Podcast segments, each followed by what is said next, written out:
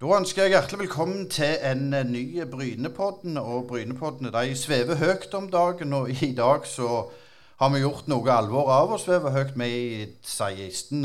etasje. Det er vi ikke for meg 18. etasje. Jeg skal bare se om dere fulgte med. På Forum Jæren så er øh, over 60 meter over havet. Så vi har vært så heldige å få være med her. Og Bryne fotball har invitert oss inn til å ha en livepodkast med en ikke så hvilken som helst eh, spiller. Og det har vi jo sagt litt tidligere, men vi skal ikke røpe det helt ennå. For du må ikke glemme at du hører på Brynepoddene. Eh, Vi har hatt eh, mange mestere og gode folk i Brynepoddene tidligere, Tuve Hansen. Men å ha en eh, mester i Bayern München Frauen, det er første gang. Og gratulerer så mye med det. Tusen takk. Jeg klager ikke nå, jeg.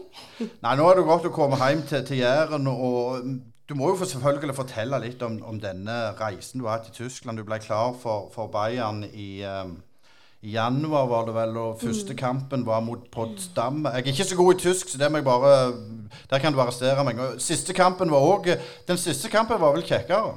Den siste kampen var kjekkere, men den første kampen ble faktisk avlyst. For det var så himla dårlige bane. Det hadde vært frost hele natta, så den var ikke spillbar når vi kom til første bortekampen, da. Så da ble det første heimekampen, og det var vel mot Frankfurt.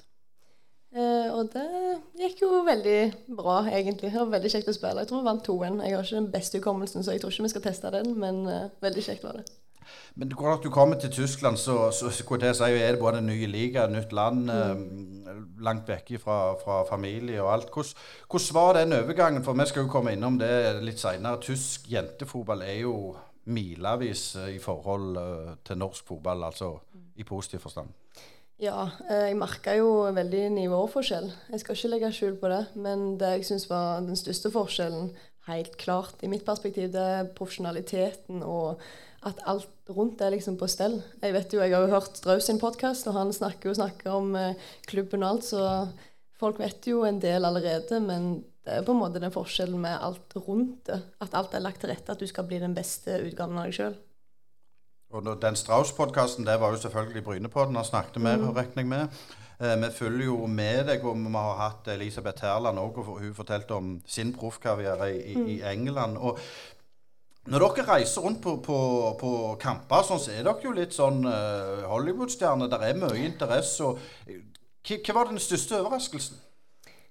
Største overraskelsen Det er jo Hvis du har på deg de der uh, treningsklærne til Bayern, så er jo bare damer og herrene som har de. Og alle vet jo om herrene, selvfølgelig. Så møter de jo på en damespiller plutselig, og da kjenner de jo til deg òg. Det er jo kjemperart for min del, for jeg har jo ikke jeg har jo blitt gjenkjent før, men ikke på den måten, kanskje. Så jeg syns jo jeg kjenner litt igjen det samme fra Bergen og Brann-fans, at det er jo, de er jo litt smågalne.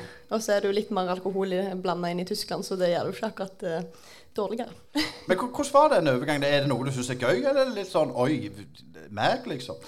Nei, det er litt bare sånn mye oppmerksomhet, da. Uh, og det er jo selvfølgelig veldig kjekt, men jeg er jo ikke så vant med det ennå, da. Uh, så det har jo vært gradvis, men nei, alt har egentlig bare vært veldig kjekt, så jeg skal ikke klage på noen ting. Det er klart, Du ble jo seriemester der, og dere slår jo Potsdam, var det 11-1?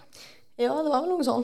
Så, så det var jo grei skuring, det. Men det, det, den festen, jeg sett noen bilder og sånn, og det er liksom det som ser så gildt ut, det, det tar jo helt av. Det er jo ikke bare en, og det er ikke bare foreldrene dine som står der, for å si det sånn. Det er ikke bare mamma og pappa som står der, nei. Det er jo Hele byen samla seg jo, de stengte jo gatene, og det var jo helt kaos, for herrene òg tok det jo, så folk kanskje ikke trodde de skulle gjøre, i og med at det ikke lå helt i kortene, men det ble jo så spontant og så kjekt, og Nei, det var, det var utrolig. Eh, Hvis vi skal gå inn på den tida du har hatt, ikke vært så lenge, men hva har vært det tøffeste og vanskeligste sånn, når du kom ned? Det må nå være i forhold til å komme inn på det nivået at eh, jeg har jo hatt en periode der jeg har følt meg ganske overbelasta. Fordi jeg har måttet spilt nesten alt. Fordi vi har hatt ganske mye skader. Og det var jo derfor de henta meg òg. Så det er jo på en måte et bra utgangspunkt, men du blir jo heven litt i det, da. Eh, Så det har vært veldig mange kamper på korte tid. Så jeg tror kanskje det har tært mest. Men jeg er jo bank i bordet veldig glad for at jeg ikke ble skada i løpet av den perioden. Så nå føler jeg jeg har brukt dette halvåret på å komme litt mer inn i det. og nå kjenner jeg endelig på en måte at jeg har landa litt. da. Første månedene sånn reiser vi jo rundt overalt. og Det føltes ut som det var så mange bortekamper. At jeg hadde hatt så mange heimekamper tidligere i sesongen. Så det var mye reise og mye belastning generelt. Hvordan går det med tysken, da? Nei, det går gradvis. Jeg forstår en del, men å snakke sjøl er vanskeligere. Men jeg har jo en tysklærer som følger meg opp. Du skal vi høre litt hva Alexander Strauss, din trener, sier om deg. Uff. det, eh, Tuva er jo en som jeg kjenner. Jeg har hentet henne flere ganger, for å si det på den måten. Så det, det var liksom sånn for Jeg vet hva du får, men, men det er jo litt sånn for Tuva sin del, og det er jo liksom det vi må, må også se perspektivene i ting. Altså Vi kommer ned her eh, Så hadde vi jeg har vel i vår spillerstall så har vi vel kanskje 19 spillere mellom 15 og 19 som nok kommer til å reise til fotball-VM i sommer. Eh, og eh, Så Tuva er, er jo, har jo også, har jo også en, en, en, læringskurve som, som var relativt bratt når hun kom. Det er noe helt annet for hun også å være her enn det var å være hjemme i Norge. Og de hun spiller med her, er både verdensmestere, olympiske mestere og alt mulig. Så det at eh, så Tuva kom her for å, for å, bruke de første seks månedene på å tilvenne seg nivå, tilvenne seg kvalitet. Og så fikk, hadde, har vi hatt en del skader i år, og det har vært en veldig utfordring. Så hun ble kastet rett i det. Så hun har stort sett spilt eh, de fleste kampene. og for meg så er det, Jeg har veldig tro på Tuva. Jeg har veldig tro på at Tuva kan ta det neste nivået. For det er hun helt avhengig av uh, hvis hun skal henge med. At hun må ta et steg når hun kommer hit. og og, eh, for, for, å ta den, for å ta den neste. For det er ganske stor forskjell det, på det hun, hun, har vært vant til og det hun kommer fra kvalitetsmessig til det, vi, det, det hun møter her nede. Og, men det har hun gjort veldig bra. Tuva hun, eh, hun var bra. For meg så er det veldig trygghet, for Tuva er en jeg kjenner veldig godt. Jeg har hatt henne både på landslag og jeg har hatt henne i Brann og i Sandviken. Så, så Nei, jeg, veldig, jeg, jeg, hadde aldri hentet henne hvis jeg ikke hadde tro på at hun kom til å, til å kunne ta nivået. Så, så, så det, ja, det, er trygghet for meg. Kjekt med noen som snakker norsk òg. Alexander Strauss han, han, snakker norsk og han snakker mye og, og fort. Men det som jeg la merke til når vi snakket med han, han er ganske tydelig.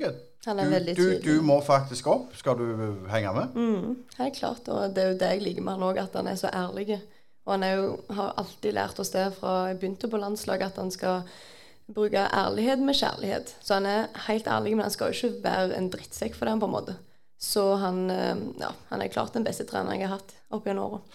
Men har det vært sånn alltid? du, Eller du sier den beste, men, men er det sånn at av og til du føler det blir litt sånn kosing? Er det forskjell på det? Nei, det, det er aldeles ikke kosing. Det kan jeg garantere deg. Vi har jo hatt et par situasjoner på trening der de tyske ikke forstår hva vi holder på med. For vi diskuterer ganske hett. For jeg er jo ærlig tilbake med han.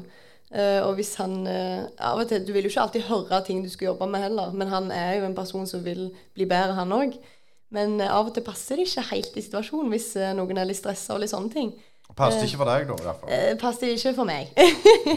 Men hvis du kommer litt med kritikk for, på andre sida til havn, så kan det oppstå diskusjoner. Han har sine perspektiv, og han kan til og med være uenig, men han forstår meg på en måte for det. Så vi har veldig sånn tydelig at du skal være ærlig og vil hverandre det beste. da. Men Hvor stor forskjell er det på han og de andre trenerne du har hatt? Uh, altså, det er ganske stor forskjell, men det er litt sånn jeg merka med de tyske og utenlandske som spiller i Bayern òg, at de var vant med et helt annet regime. Eh, de var vant med en på en måte trener som skulle være sjef og bare bestemme akkurat hva de skulle gjøre, og at de har ikke noe de skulle ha sagt.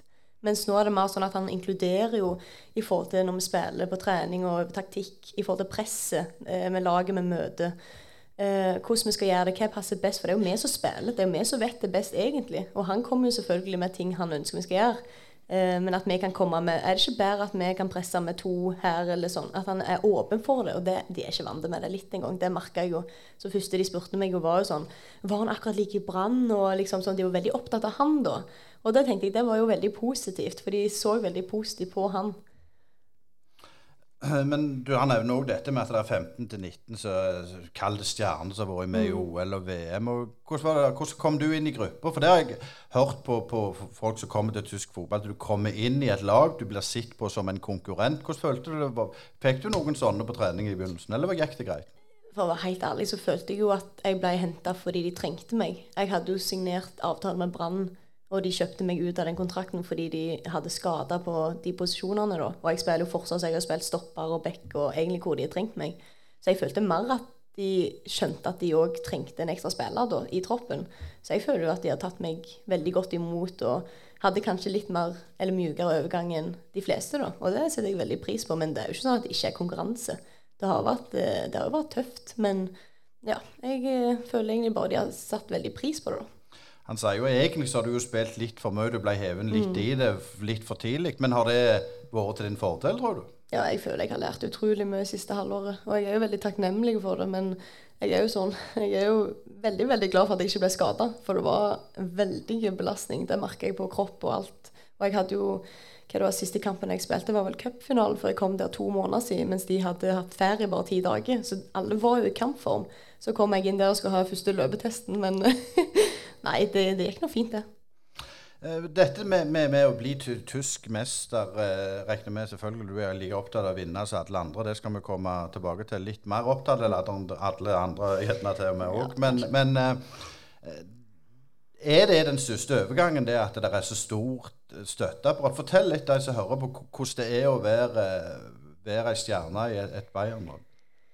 Nei, det er jo bare det, du gjør i det daglige. Da. At du kommer der, ting er på stell. eh, Du vet når du skal ha behandling. Det er liksom så nært. Du har alltid to fysioer på jobb, og så kommer det en lege, og så er du støtteapparat. Du har en fysisk trener som lager program og fikser spesialisert til deg, så du vet hvor tid du skal gjøre alle tingene. Alt er liksom tilrettelagt og planlagt. Og de som er skada òg, altså de trener omtrent mer enn de som spiller. For det, de ja, de gjør på en måte alt for at du skal komme tilbake kjappest mulig. Og de gjør liksom alle de tiltakene som må til for å bli best. da. Eh, litt tilbake til, til, til den treningsmetodikken og kampforberedelsene. Er det òg store forskjell? Jeg er jo vant med treneren fra før av, da. Eh, Så jeg merker jo at vi gjør jo det samme som vi gjorde i Brann. Han har jo ikke endra seg. Han har ikke endra filosofi eller noen ting. Han har bare kommet til et lag der det er bedre spillere, og det går himla mye fortere. Eh, Å følge med, på en måte å henge med eh, når vi spiller på sessionøvelser og sånne ting. Det er jo bare Totalen blir så mye tyngre fordi det er så mye mer intensivt. Så det òg er jo en veldig veldig stor forskjell. Jeg merker jo det på kroppen at eh, jeg var ikke helt vant med det nivået der. Det var godt å få ferie, få litt ferie. Ja, men det var godt, ja. det var veldig godt. Vi skal litt over til, til en ny bolk. Eh, Jeg har tenkt eh, å, å dra folk litt med hvordan eh, Tuva som unge spiller Det er klart du har en far, Hugo Hansen, som har spilt i, i Bryne og cupmester og har tapt litt cupfinaler for, for Rosenborg og, og, og, og Molde. Og, og du har en bror, Cato, som har spilt i Brann, Sogndal, Sandefjord. Mor som har spilt håndball. Du Hege som har spilt i toppserien i mange år på landslaget. Eh, Det blir liksom sånn rundt det middagsbordet det hadde gjerne vært litt løye å være flue på veggen. Ja, men jeg tror du hadde blitt litt overraska. For det er søren meg ikke bare fotball og idrett det går i. Det er ganske mye annet òg vi snakker om. Eh, Men hvordan har det vært? Har du hatt foreldre som har vært sånn overivrige på dine vegne at de skal pushe deg til å bli den nye stjernen? Fortell litt, hvor- hvor- hvordan har det vært? Du, du, du eh, spiller ungdomsfotball i Bryne, går til Klepp når du, når du, er, er ung, og Arne Bjørnar osv. Fortell litt den reisen. Har du gjort dette sjøl, eller er det mamma og pappa som har gjort det? Det er nå jeg som alltid har valgt hva jeg har gjort sjøl, og de har alltid vært der og støtta meg og vært engasjerte. Men det er jo et tema som er litt eh, spesielt, for det er noe veldig mange tenker og snakker om litt skjult, kanskje, men det er ikke så mange som snakker åpent om det, da. Eh, mine meninger rundt dette her er jo å ha foreldre som heller støtter deg istedenfor å prøve å leve drømmen sin gjennom deg, f.eks.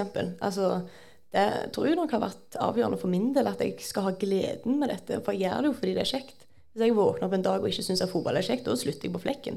Jeg har jo utdanning, jeg kan jobbe, jeg kan gjøre alt annet. Og livet er jo mer enn bare fotball. Og jeg tror det er viktig med sånne verdier istedenfor bare ja, tenke rett fram og fotball er alt, liksom. Fordi det er jo bare en periode i livet. Så nå lever jeg bare mitt eventyr og har det kjekt med fotballen. Men de har jo alltid vært der og støtta meg. Eh, Ikke for å nevne navn, men både i landslagsmiljøet og, og lokalt så er det jo både på herre- og, og, og jentesida for foreldre skal re, re, realisere seg gjennom, ungene. Er det noe dere diskuterer det? Altså Særlig på landslagshold så tenker jeg det er jo noen som står voldsomt i bresjen. Er, er det bare bra, det?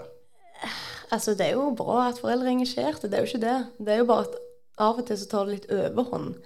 At de blir litt for engasjert og skal bidra litt for mye, for min del, da. Eh, og jeg hadde jo, personlig hadde jeg blitt litt sånn, jeg hadde jo skjemst litt av det, blitt litt flau hvis de skulle være for mye. Det er jo på en måte jeg som skal leve mitt liv og leve min drøm.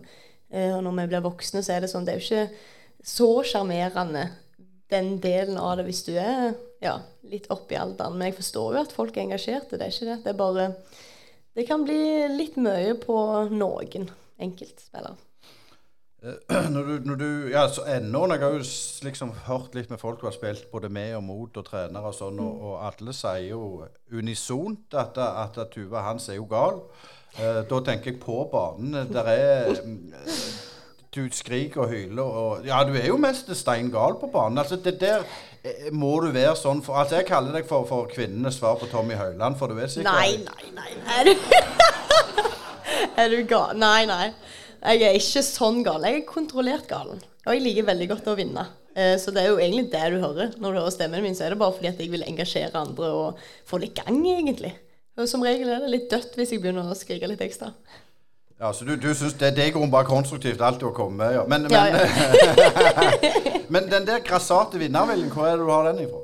Det må, jeg har jo blitt, jeg har vokst opp med det. Altså, Har du møtt søster og bror min, og far min òg begynner å yppe seg litt, og mamma òg var ganske galen på krokketen i går. Altså, det, det går i slekta. Jeg har en onkel òg som er litt halvgalen. Men eh, det er nå bare ting du vokser opp med. Så jeg er litt sånn halvredd for hun tanteungen min nå som har et ekstremt vinnerinstinkt. Men, men det, det, det å takle det For du må jo på en måte tøyle det, for du sier at det, det, sikkert har vært en utfordring òg, kan jeg tenke meg, uten at jeg vet det. Men hvordan har du på en måte jobba med det? Jeg var litt mer ekstreme før jeg ble kaptein i Klepp. Jeg ble jo kaptein som 19-åring, og da følte jeg jeg ikke kunne Iallfall spesielt når du taper, at du blir en så himla dårlig taper at det nesten er litt flaut. Men du klarer ikke å styre det. Eh, Så når, du, når jeg ble kaptein, da, så følte jeg kanskje litt mer på det ansvaret at jeg rett og slett måtte oppføre meg eh, litt bedre. Og det har jo funka litt. Jeg er fortsatt en veldig dårlig vinner, men da tenker jeg da er det fortjent at jeg kan være litt sånn som jeg er. Men, tror du kong Harald er enig med deg? Nei, den, den må vi ikke ta. Jeg trodde vi var ferdige med den der. Uff. Nei, men det er ikke det Tuve Hansen på godt og vondt. Altså, det, det er men eh, det er litt sånn eh, som jente å, å, å være en vinnerskalle. Har du møtt på utfordringer med det? Ja, det er, jo, det er jo ikke alle som liker det. Og spesielt hvis de taper mot meg. Det er jo ikke dritkjekt. Men når du har folk på eget lag som heller vil tape sammen med deg enn at de skal vinne, liksom eh, vinne, da, altså, da, er, det, da er det gale, syns jeg. For jeg, alle, alle skal jo ville vinne hele tida. Det er jo det som er en del av sporten. Og det er jo det som får, det er jo det driven min òg er. Det er jo gleden og vinnerviljen, egentlig. Men litt sånn litt det, siste rundt det der med, med vinnerskallen. Er det noen lagvenninner som har syns det har blitt litt mye Tuva, eller har, du, du, har det gått greit? Det kan jo spørre noen her. Ja, ja, altså, jeg, jeg, jeg kan tenke meg at det kan bli litt mye til tider, men det, det får de bare tåle. Du hører nå på Brynepoddene, en uavhengig og litt dypere podkast som gir deg lyden av ekte sport. Vi har studio på Bryne, og herifra sender vi deg motstemmen til den overflatiske og klikkorienterte sportsjournalistikken. Gå inn og se i vår nettbutikk på Bryne Paddene med dobbel a, punktum, og følg oss i sosiale medier. Hører på Brynepodden, og vi er i 16. etasje på Forum Jæren, der vi har fått eh, storfint besøk av Tuva Hansen. Og jeg tenkte vi skulle Det er jo VM nå. Hvilken etasje var vi i? Sa jeg feil nå igjen? Men det, det er sånn den er tar det er i de. Det er sånn heis som går opp og ned, så jeg er ikke, jeg er ikke sikker hvor jeg er heller alltid. Jeg tror det er 18, er det ikke det? Det er 18, ja. Ja, det er bra, det. Hva var spørsmålet? Ja, det, nei, vi skal ta VM. VM, ja. Det kommer ut uttak nå på mandag. Mm. Det er veldig spennende. Eh, Men hvordan eh, Jeg regner jo med mm, du er med der. Du har vært landslagskaptein. og Hvor, hvor, hvor viktig Ikke er det? kaptein. Er du ikke det? Nei, bare i Brann. Ja, men Men du, du- du- jeg har iallfall vært med en del. Ja, du, du blir nok det snart. For det, du, du, du godtar ikke det at det er andre som er det, gjør du det? Jo da, Maren er veldig god, hun. Men, men uh, fortell litt om det som jeg liksom går inn på nå. Hvis du ser eh, Når jeg var ung og lovende, så var jo Klepp best, Bryne var best, landslaget var godt. Så har det gått litt uh, galne veien på alle fronter, egentlig. Det, Er det på tide at vi, vi gjør et godt mesterskap? Det er på tide. Og det er jo veldig mange spillere i utlandet nå som har fått eh, erfaring i Champions League og gode ligaer. Veldig mange som har vunnet, faktisk. Så jeg føler liksom at nå er det på tide at vi tar den vinnerkulturen fra klubbene òg inn til landslaget og gjør et godt mesterskap. Ja, Martin Norheim har vunnet Champions League bl.a. Og mange har vunnet i utlandet, som du sier. Men da er det på herresida òg. Hvorfor klarer ikke de ta med seg inn det på landslaget? Er det noe quick fix der, tror du? Nei, vet du ikke. Det har ikke jeg svar på, rett og slett. Men vi har iallfall begynt med noe nytt på vårt landslag. At vi tenker én pluss én er tre. Og at vi heller jobber for hverandre, istedenfor at enkeltspillere skal klare å gjøre det magiske. Eh, og så tenker jeg òg med fotball at det er jo lagidrett. Så det er jo sjanse for at eh, vi som lag kan gjøre et godt mesterskap, selv om kanskje ikke vi har alle de største stjernene, selv om vi har noen store stjerner, vi òg. Så det er bare å prøve å prestere best mulig for hverandre, så blir det bra. Men føler du at det blir lagt til rette for at dere skal prestere godt nok? Ja, nå gjør det det. Vi har møtt eh, gode motstandere og har fått uh, en del gode resultater, så ser vi hva vi skal jobbe med. og så fokuserer vi mer defensivt nå enn kanskje tidligere, og det syns jeg har hjulpet oss veldig mye. I og med at jeg er forsvarsspiller, så trives jeg med det. Eh, hvor mye taktikk Det har vi alltid hatt når vi har snakket med landslagsspillere. Hvor mye taktikk er det på landslag? Du, du treffes jo ikke så ofte. Det, er det taktikk i hele tatt, eller er det sånn at det blir bare på en måte prepping? Nei, det er jo en del taktikk, men uh, du, okay, møtes du kanskje et par dager før du har første kampen, så må du innstille deg på det laget. Og så Den ene sammenhengen hadde vi f.eks. tre lag vi møtte, og da blir det jo Altså, Du må bare se videoer av de trene litt på feltet, og så spiller du kamp. og så, ja, Det går jo ett Hver samling går jo dritfort. Nå er de i New Zealand og Australia. Hvilke ambisjoner har, har, har lag og deg sjøl? Eh, vi har jo diskutert dette her i forhold til sist EM der det ikke gikk så bra. At det, forbundet har kanskje litt mer i forhold til du skal ha medaljer og dette her, men å heller ha et mer realistisk mål. sånn som Nå har vi mer fokus på å gå videre fra gruppespillet. Så jeg syns egentlig er veldig bra.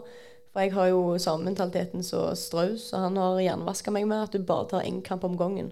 Så jeg vet jo bare hva neste kampen er. Jeg vet liksom ikke hva resten er. Og det syns jeg egentlig er veldig deilig å leve med òg. For da tenker du bare én kamp om gangen, og så er du ferdig med den, så er det neste. Istedenfor å tenke så stort perspektiv hele tida. Å, vi skal gå ut og ta gull. Det er sånn Alle vil jo ta gull. Alle vil jo bli verdensmester.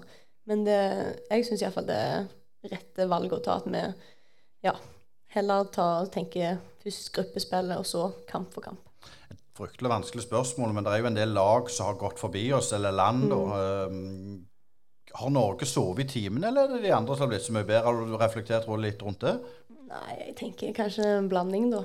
Eh, jeg vet jo at vi har en del å gjøre i Norge, og nå har jeg jo opplevd utlandet òg. Eh, så jeg ser jo veldig forskjeller. Men det går jo mye på prioriteringene og økonomi, og òg oppmerksomhet i forhold til media og hva jobb som gjøres der. Nå har det jo blitt bedre, syns jeg, da. Eh, TV 2 har tatt over toppserien. Det er veldig kjekt å se på og følge med. Så det skjer jo ting, men det, det skjer jo ikke kjempefort. Det gjør det ikke. Eh, når du er inne på det, så, så er det litt over til, til publikumsoppmøte. Altså, du ser Sverige, Danmark, Tyskland, England. Mm. er jo en voldsom økning. Mm. Uh, og det er mange tusen som går på kampene. Så vil jeg, vet jeg du vil arrestere meg når jeg sier dette, men jeg har en oversikt over toppserien um, mm. 2021, var det det, etter covid. Uh, nå er ikke jeg så god på de tallene som du har vært inne på, men tar du vekk de kampene som Brann har spilt for 10 000, så er det en nedgang. og eh, er det, hva, er utfordringen? Altså, jeg vet jo sånn som I Tyskland, Danmark, Sverige så skaper jentefotballen sin egen arena. De skaper mm. egne fans. Men her føler jeg at det blir gutter mot jenter, herrefotball mm. mot, uh, mot jentefotball. Hva, hva, hva, tanker gjør du deg rundt det? Jeg tenker jo det er veldig naturlig å tenke sånn, først og fremst. Uh, og at vi må slutte å tenke sånn, fordi det er bare fysiske forskjeller på mann og dame så du ikke kan gjøre noe med. Så det blir jo to helt forskjellige idretter, egentlig.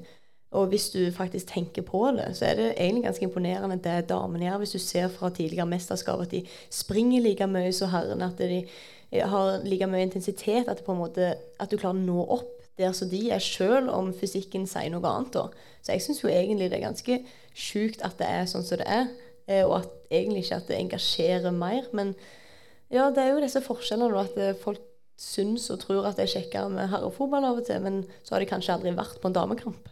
Og det er litt sånn spennende.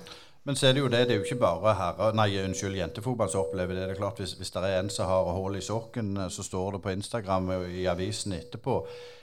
Har sportsjournalistikken endra seg voldsomt. Og er det vanskelig å på en måte kalle det bli sett og komme til orde? Du har jo en hund som er ganske kjent, blant annet. Altså, du må, du må jo liksom gjøre litt sånne ting skal du eller, eller er det bare på Altså, nå prøver jeg også Det er jo ikke så lett, dette. her. Det er ikke lett, nei. Og det er jo merkelig at uh, hunden min klarer å være mer kjent på en måte enn meg når jeg har spilt en del på landslaget og sånne ting. At folk kjenner meg heller igjen som mora til Vilja enn fotballspiller i Bayern og landslaget, da. Så jeg begynner å lure litt hva som ja, engasjerer. Men så er det jo måten journalister og hvordan de lager sakene, hvilke vinklinger de har. Um, de, altså, sånn som når jeg var i Brann, så skapte de jo en profil i meg da. Men da var det veldig mye Tuva, Tuva, Tuva ofte, istedenfor å fordele det Liksom når eh, jeg da reiser, så er det jo på en måte, da må du jo på en måte bygge noe nytt. Jeg vet jo at de har fått Andrine Hegerberg og litt sånne nye profiler, men det er noe du rett og slett må jobbe med. Fordi det kommer ikke ut av seg sjøl. Ja, det er litt sånn det som vi var inne på, diskutert litt eh, til før vi, vi gikk på her. Nå vet jeg Åsane Åsane Brann hadde en kamp, og da var det 300 tilskuere eller noe. altså Et lokalderby. Og klart, Det er jo noe det med, med det at det skal være bærekraftig. sant? At Du, kan, du klarer jo å blåse opp en del hvis du vil, men det er liksom Har Fotballforbundet har vi på en måte vært flinke nok og fortalt en historie at vi må skape vår egen fan... Altså, Sverige, Danmark, Tyskland, England har jo fått det til. Hva er det vi gjør som gjør at de ikke får det til? Ja, det er jo liksom det. Men så er det òg at du kan ikke tvinge folk til å komme på kamp med mindre de vil sjøl. Og det var jo det jeg følte skjedde litt når vi gikk over til Brann. Plutselig kom en hel supportergjeng, og det var kanskje 500, kroner, nei, 500 personer per kamp. Og da eh, gjorde det jo at ting ble kjekkere og mer altså Selvfølgelig når vi spilte så bra òg, så er det jo lettere å engasjere. Men nei, altså du må jo stå på sjøl, men det, det skjer jo ikke over natta, på en måte. Eh, For Hvis du spør meg, det gjør du ikke, men bare late som at du gjør det. At, at det blir som jeg mye eh, Når jeg eh, sitter litt gjennom de siste mediedekningene rundt jentefotball i Norge Jeg snakker ikke om, om norske spillere i utlandet, men så føler jeg Eller det er bare negativt. Altså, det, det, det er gale, det er stort sett alt. Og er det òg en utfordring at det blir så enspora negativt? Ja, men det er jo mye med klikk, da.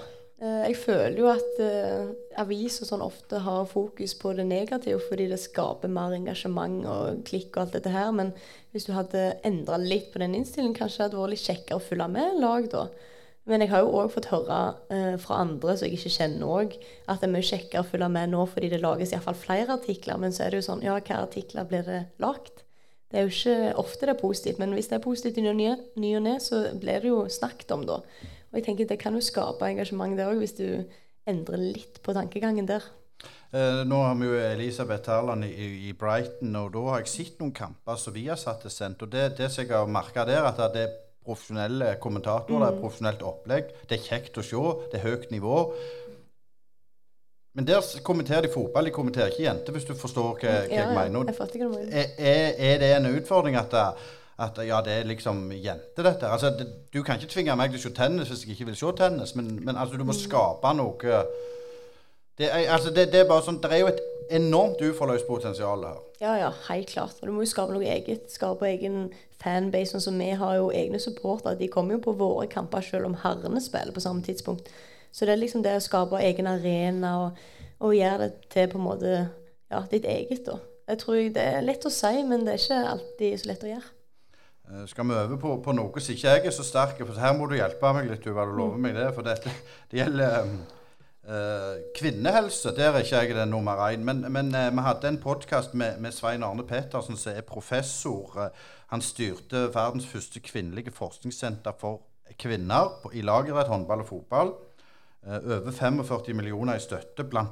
Fra, fra Trond Moen. Han, han holder til i Tromsø, der de eh, ja, det gikk på, på den eh, kvinnehelsen og, og, og syklus og menstruasjon, trening osv. osv. Det han sa han, eh, altså Det var jo helt crew. De hadde folk i Danmark, eh, Portugal. Det var, var kjempesvært. Jeg tror han hadde fått én sak på NRK om, om, om denne forskninga her. Og så sier han ja, men hvis, hvis det er en, en spiller på Tromsø som har feil sokk på, feil logo, så står det i avisa. Altså, er vi blitt for dumme, rett og slett? Altså, er, er vi ikke interessert i sånt? Altså, det er jo kjempeviktig. Ja, det er kjempeviktig. Men det er jo kjempeviktig at uh, folk som jobber med journalistikk òg, at de forstår at de må presentere det på en interessant og god måte. For det er jo ikke sånn at folk ikke syns dette er interessant. Spesielt kvinner og de som står i samme situasjon. Det er jo sånn vi òg har tilfeller. I Bayern så de trekker jo syklusen. De vet når du har større sjanse for å bli skada hvis du sliter med smerte, problem. Altså sånn som jeg som har endometriose. Jeg ble jo sendt til en spesialist bare for å ha orden på det, liksom. Så de er veldig profesjonelle, og det er veldig viktig òg for å få det beste ut av deg sjøl, da. Men tror du det tar på, eller din kompetanse, eller at folk ikke vet hva de holder på med? Å skrive om og snakke om? Jeg tror kanskje litt av begge, men føler jo at det, det Jeg prøver jo i hvert fall å få det til ikke å bli tabu lenger. Og det er viktig å snakke om, fordi det, det er jo så naturlig. Altså, hvorfor skal det være tabu, egentlig? Og det er det som irriterer meg, fordi det har ganske mye å si på prestasjoner. Og eh, hvis du trener og du har himla mye smerte fordi du er der og der i syklusen din, selvfølgelig påvirker det prestasjonen din.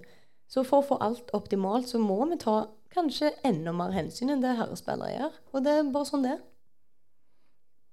Gode refleksjoner her, Tuva. og der er, det, det, jeg, Jeg har liksom spart meg en liten sånn god, god vits, men jeg vet ikke, men det, det er litt sånn farlig, for når du skal ha jente, så, så blir du litt sånn redd. Men, men jeg tenkte Det trenger jeg, du ikke bli med Kan, kan jeg ta den? Ja, du For kan ta den. Vi snakket om gutter og jenter, så sier jeg det. Jeg har for, for all del ikke noe veldig god greie, men sist jeg så, så, så er vi ikke like. Den er veldig fin. Den er ganske god. Er så det, ganske- den, den var litt dypere, for å si det sånn. Eh, men det, vi må jo litt tilbake til dette VM. Da. Du har jo ikke, ikke vunnet det ennå. Med, med dine, dine tanker rundt dette her, så, så må du gå litt innom hvordan det er å trene med, med disse gode jentene. For det er jo fantastiske fotballspillere. altså Guro Reiten og Hegerberg og alle disse her. Det, det må jo være utrolig stas og gøy. Ja, det er veldig kjekt. Men så er det sånn, du får jo òg se den menneskelige sida. Eh, og du blir mer kjent med de, og det er liksom ikke bare det du leser om media. Så de er jo utrolig fine personer, først og fremst med ei veldig god gruppe. Og jeg får liksom skikkelig en god lagfølelse, da. Og etter det som skjedde i fjor òg i EM, så føler jeg det har styrket oss enda mer. Så jeg satser virkelig på at jeg kommer til en boost inn til VM. Um, hvem er det dere har blitt trekk hvem dere skal spille mot? Ja, jeg sa du ikke skulle spørre meg spørsmål så langt fram i tid. Nei, Jeg vet vet vi det- skal spille åpningskampen mot New Zealand kan jo prøve å sette 20. deg fast nå, forstår du ikke det? Ja, ja. Det, men resten Filippinene og ett lag til. Ja, det, men dere skal i hvert fall spille fotballkamper i VM. Det, En det- kamp om gangen. En kamp, ja, ja, stemmer det. Helt korrekt. Men hvem tror du er favoritt, da? Eh, jeg håper oss. Altså, vi, det, det sto jo masse at vi hadde trukket en bra gruppe og alt dette her, så altså så, Men er medalje innen rekkevidde?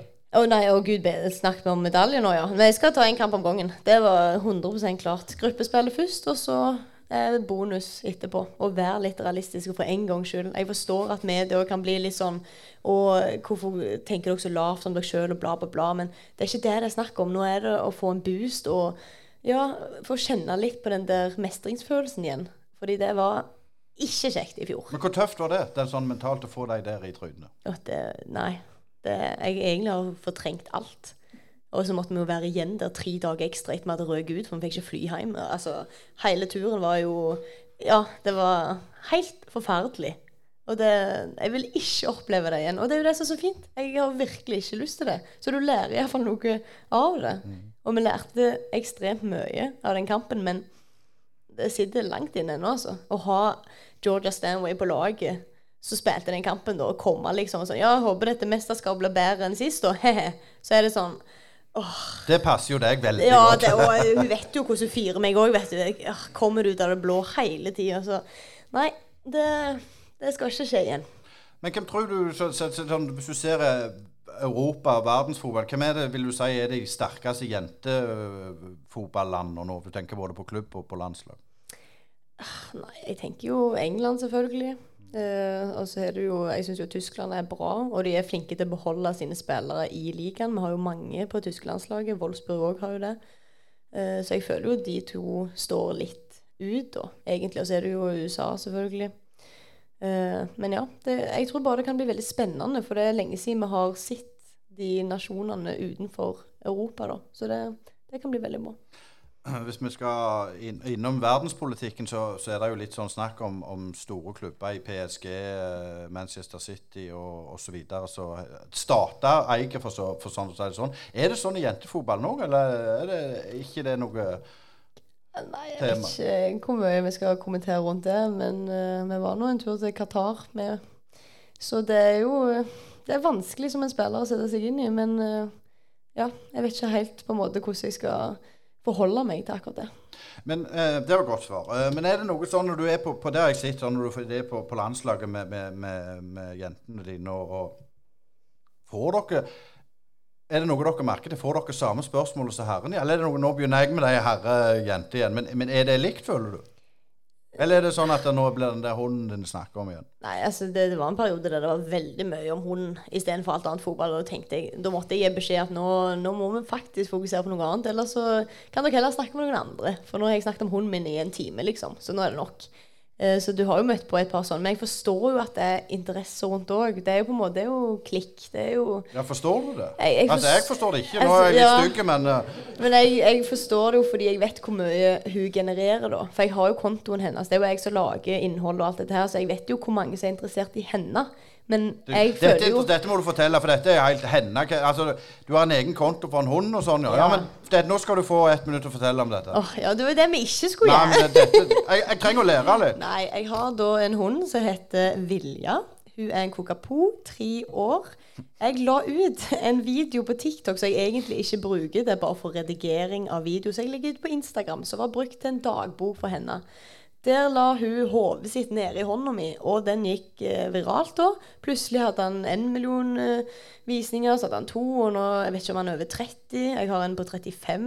Men det er på TikTok, da, så jeg føler jo ikke at det Jeg vet jo at det er visninger, og det, det er bra osv., men det er TikTok, på en måte. Jeg bruker jo ikke det til vanlig. Eh, så har jeg jo den Instagram-kontoen som er over 100 000 følgere. Så hun er jo mer kjent og populær enn meg.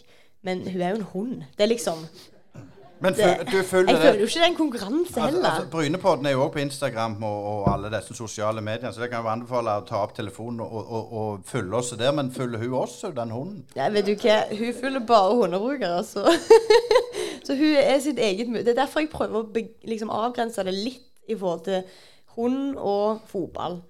Så jeg prøver iallfall, men jeg kom jo til Tyskland, og da var det jo en av de første journalistene i den største avisa i Tyskland var sånn da Ja, I've heard you had a dog. Og jeg bare Kødder du, liksom?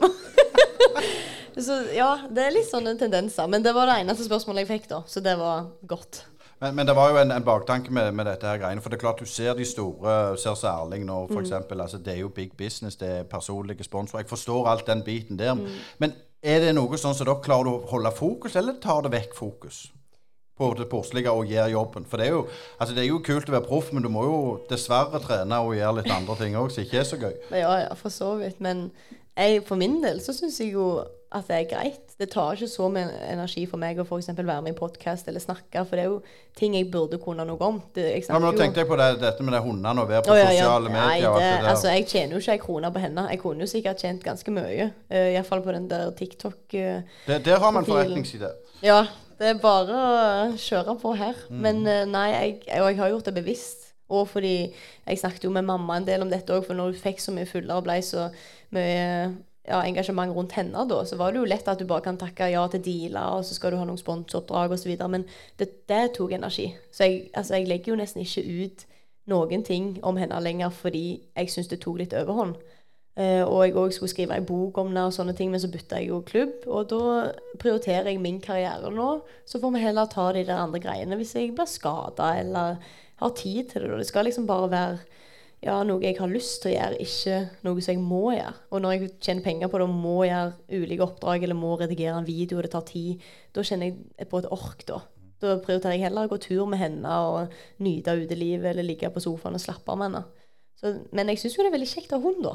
Det skal jeg si. Ja, jeg ser jo det. Du liker jo å snakke om det, tross Ja, og jeg gjør jo det. Men jeg liker mer den der at du får et naturlig forhold til hvordan det er å ha hund. At det ikke bare er en sofagris, mens hun er mer aktiv og ja, får fram litt Hvorfor mer trening. Hvorfor så du på meg når du sa det? Har du hund, du? Nei det, var, nei, det var ikke det jeg tenkte på. Det var den sofagrisen. Der følte jeg meg litt truffen. det var jo ikke det jeg mente, iallfall.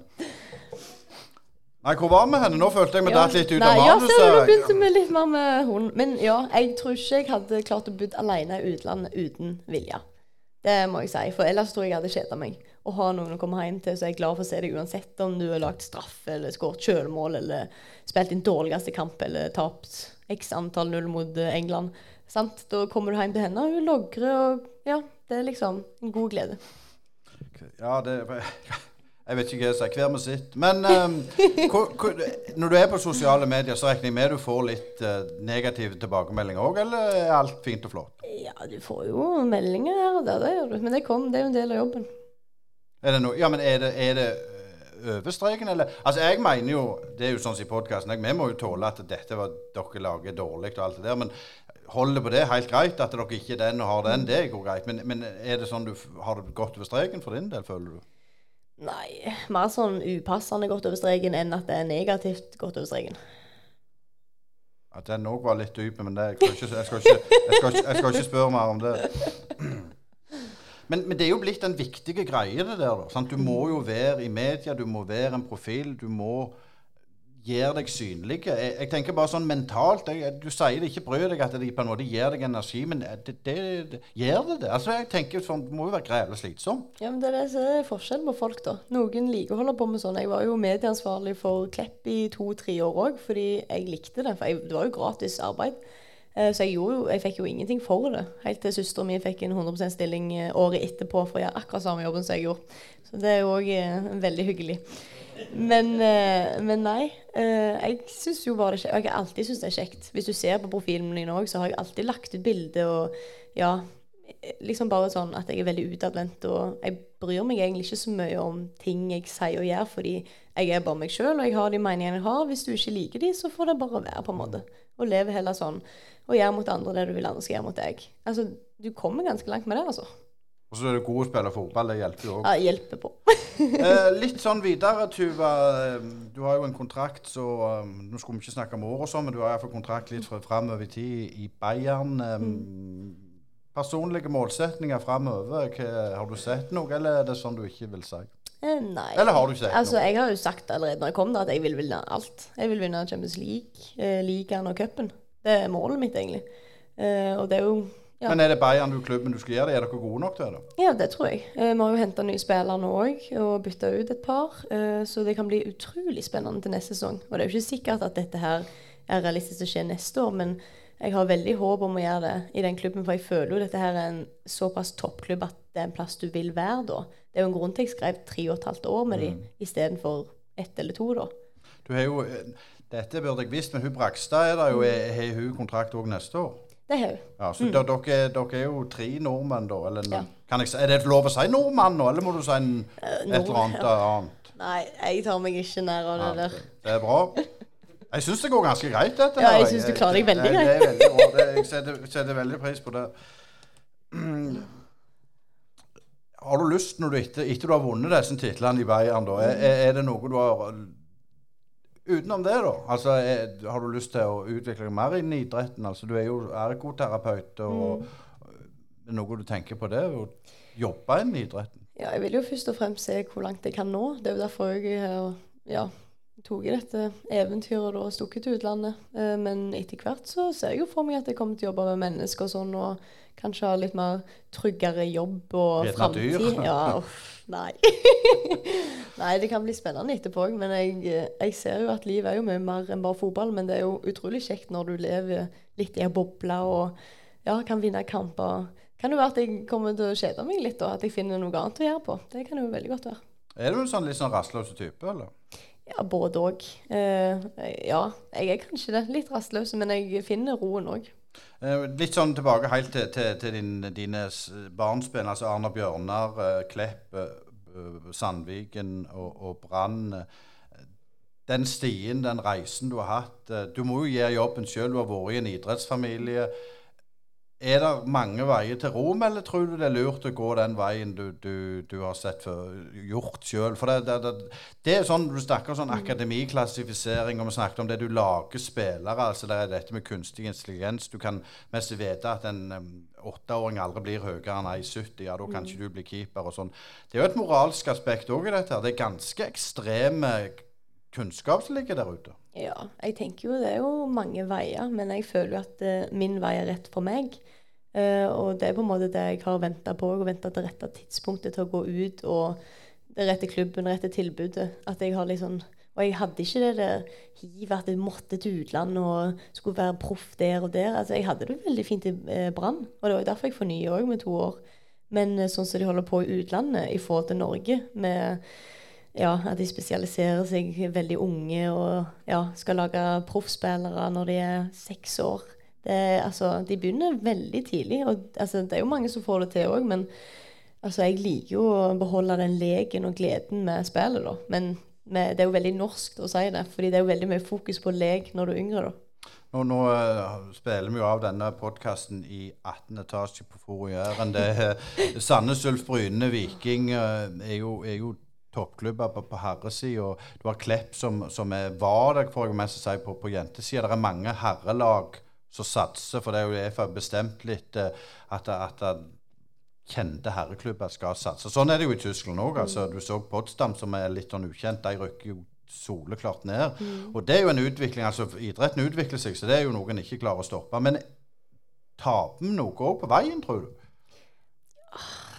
Jeg vet egentlig ikke helt uh, hvordan jeg skal stille meg til den, men det er både òg. Jeg synes jo altså Nå får du jo folk som spiller i utlandet òg, så du har jo gode spillere, men Nei, jeg syns det veldig vanskelig. eh, Ja, for det, det. Poenget er jo det at det er flere som slutter Vi har alltid sagt det i podkasten Raska sier alltid de, de slutter i mopedalderen. og, sant? Altså, de slutter i 14-15-16. Ja. Hvordan skal vi holde jenter lenger i, i fotballen og bli glad i idretten? Det er ikke alle som blir sånn som deg, dessverre.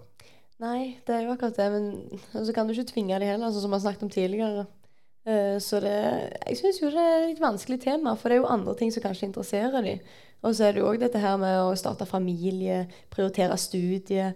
Altså du får ikke nok penger til å sette studiet på vent, f.eks. Som herrespiller føler jeg det er kanskje litt lettere, selv om det er flere som studerer òg nå etter hvert, og som er veldig bra, syns jeg. Uh, Men at de får nok lønn til å egentlig leve av det og ha et godt liv, da.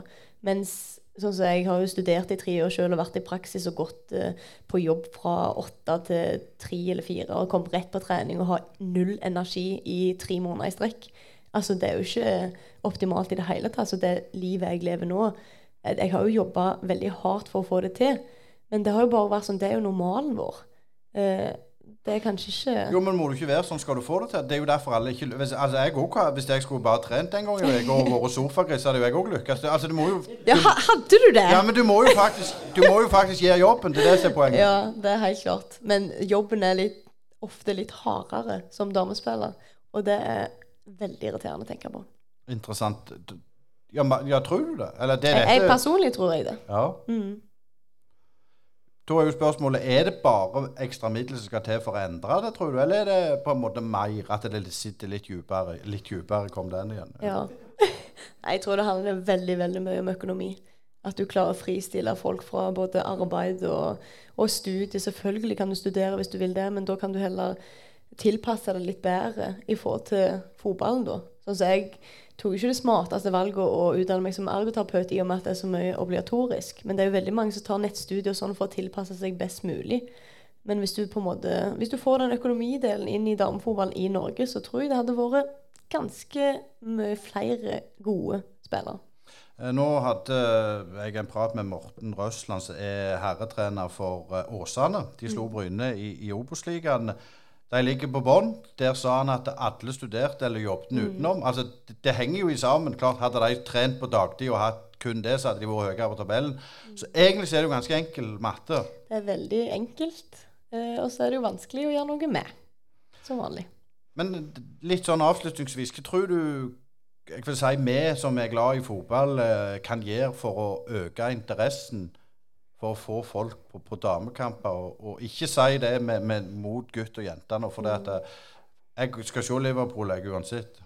Ja, nei. Det er jo å prøve å engasjere andre til å ha jeg vet, ja, det, jeg ja, men er det noe sånn Er det laga gruppe, åpne klubbhuset, ha holdt på å si jentekvelder, ha Mm. laga egne greier? Ja, det hadde jo en bra start. Eh, Skape eget miljø. Det er jo, når jeg snakker med supportere òg, så er det jo, det er jo miljøet. Det er jo det som er kjekt. Det er jo det jeg sier. Hadde ikke jeg spilt fotball, så hadde jeg vært tidenes beste supporter. Jeg hadde jo skreket og engasjert meg og vært med på opp og ned. Det tviler jeg ikke på. Nei, men det er liksom det jeg mener. At du kan engasjere og skape et miljø da, og ha det sosiale. Og det er derfor vi spiller fotball. Det er jo sosialt. Det er jo dritkjekt.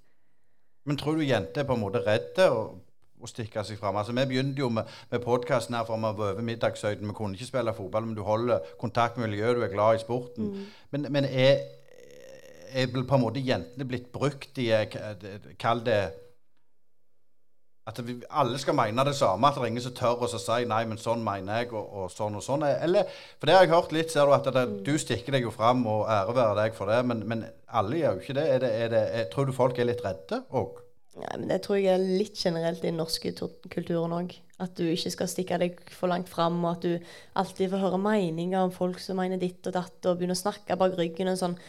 Kanskje folk bare driter litt i, og bare gjør det de syns er kjekt, og bare være deg sjøl for en gangs skyld. Eh, jeg merker så sjukt det når vi har utenlandske fra USA for eksempel, og sånne ting, så er jeg jo så utadvendt og driter egentlig i hva folk tenker om dem, men de bare har det kjekt. Jeg bare tenker vi kan lære litt mer om det. Uh, Istedenfor bare å gå ned og se i bakken når du møter noen på M44 som du egentlig kjenner, så du kunne sagt hei til, men du heller ser ned. Det er òg takler ikke jeg. Da gir jeg de heller en stor klem. Altså Nei, jeg, jeg kan ikke forstå helt den kulturen og hvor han kommer fra. Men det er jo der jeg kjente meg litt Jeg føler bergensere kan være litt mer vågale akkurat der. Og det er derfor jeg følte meg litt hjemme i Bergen. Fordi folk var kanskje litt mer At de stakk ut hodet da. Og at de torde å engasjere seg i ting. Og det, det likte jeg veldig godt. Jeg tror det får være eh, siste ord, Tuva Hansen. Det var fantastisk eh, du stilte opp i denne Brynepodden. Og tusen takk til Bryne fotball som inviterte oss inn i uh, dette høghuset i de, med de, alle de etasjene. Uh, det var utrolig kjekt å ha deg, Tuva. Vi skal følge deg i uh, VM, eh, hvem det er dere spiller mot. Og masse lykke til. Og igjen, gratulerer så mye med, med gull i eh, Tyskland. Og tusen takk på dere som hørte på Brynepodden. Og vi er tilbake som alltid neste torsdag, og tusen takk for følget så langt. Mitt navn er Øystein Nygaard, og følg oss på våre sosiale medier. Du hører nå på Brynepoddene, en uavhengig og litt dypere podkast som gir deg lyden av ekte sport. Vi har studio på Bryne, og herifra sender vi deg motstemmen til den overflatiske og klikkorienterte sportsjournalistikken. Gå inn og se i vår nettbutikk på Bryne Paddene med dobbel A, og følg oss i sosiale medier. Brynepoddene.